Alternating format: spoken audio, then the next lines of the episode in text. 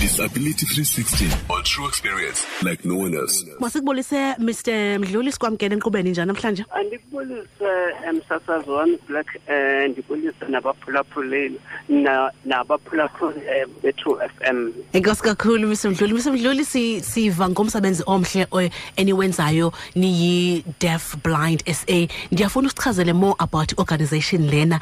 Uh siqalele nge nge Deaf Blind SA. okay eh kafuphi ngoba singanesikhathi i-deaf blind south africa i- iyinhlangano eh, iwumbutho wabantu abangaboni bebe bengaviko ezindlebeni um yes yafonywa ngo-1996 ngeyi-26 eh, zikajuly it's our birthday month nje eh kule nyanga. Ngiyacinga kubuza ngithengele ikhekhe. Yayifonywa eh o- abanentuzana o- oprofessor ababe nentshisakalo ngomuntu ongaboni ebe engezwa beyifomela lapha eWestern Cape e-International Airport Mm.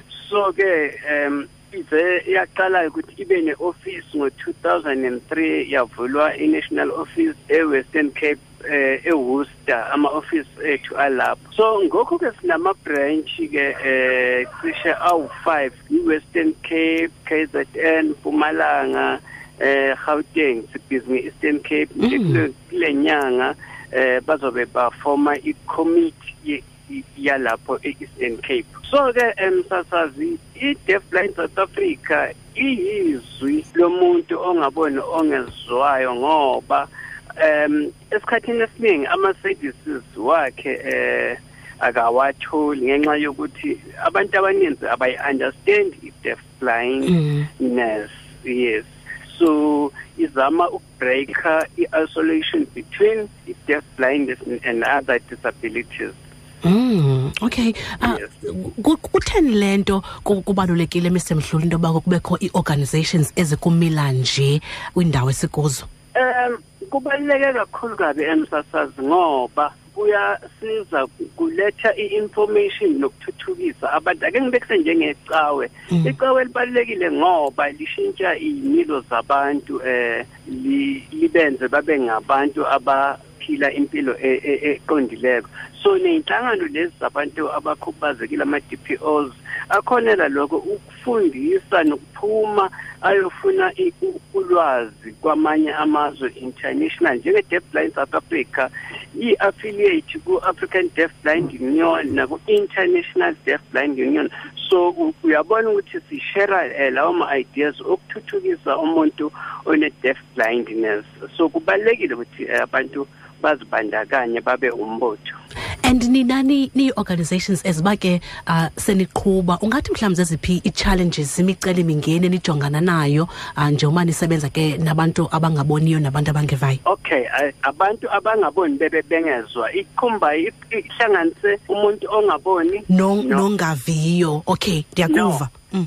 ya yeah, i-disability eyi-one uhlanganise ukungaboni nokungezwa kumuntu oyi-one ndiyayiva ndiyayiva yeah not ukuthi yimi endingaboni ngo- omnye black, akeva. one all right. iyavakala iyavakala Yeah. Mr Mdluli so ama-challenges ke wethu esibhekana nawo one yokuqala nje eyenza ukuthi singafinyeleli ey'ndaweni ey'ningi imali. Asiku-finance eh sisekhuwanyana kepha sidepende ku-public ngama-donations si- ngoba siyi-non-profit organization enye ke i-challenge esibhekana nayo abazali othola ukuthi okanye umphakathi ofihla abantu ungabakhipheli ngaphandle. Uma kuyingane um abafuni ukuthi ihlangane nezinye iy'ngane okanye iphume iyazeke ukuze sizokwazi ukuthi sibone ukuthi ngeke iyakwazi ukuthi iye esikoleni ngoba phela noma u-deaf blind uyadinga uqeqesho u- ufunde njengabo wonke umuntu. Akusho ukuthi umu-deaf blind kumele uthole ilentuzana ikamkam nje likahulumeni Okay. uhlale ekhaya cha.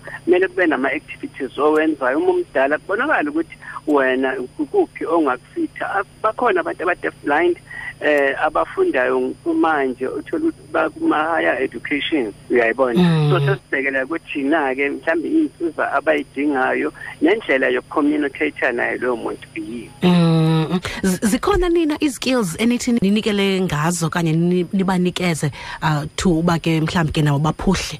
Eh yes msasazi esikwenzayo azikho esivela ku-deaf blind south africa ngqo kodwa sisebenzisana nama institutions ahlukene lapho ekhona. Ke ngibekise nje eWestern Cape ikhona enye i-workshop la khona khona abantu aba-deaf blind benza izinto eziningi umsebenzi wezandla uyabona. Eh kuninje bayenza amafurniture ngecane. Kodwa ke asibhekanga ukuthi umuntu o-deaf blind one-deaf blindness kumele enze umsebenzi wezandla kuphela. Siyafuna ukuthi babe namabhizinisi siyafuna ukuthi basebenze nabo um ko-government kuma-private sector bafunde nabo imisebenzi abayifunayo babe ama-director nabo ekugcineni. Uyayi-understand so yileyo into sisayibhekelela ukuthi naku-higher education ayibe khona indlela yokutraina abantu aba-deaf blind. Umuntu ke mhlambi ifu ke u-deaf blind and mhlambi ke masithi mhlambi ke nomnye nje umuntu ayive ba hey bekukhe kwakho incoko enjena okanye mhlambi ke kukho abantu abanjena organization enjena angathini yena khona ukuze ke abeyinxalenye yena? Okay ngizoshiya ilentuzana ingcukaca zami ekugcineni bazandifonela.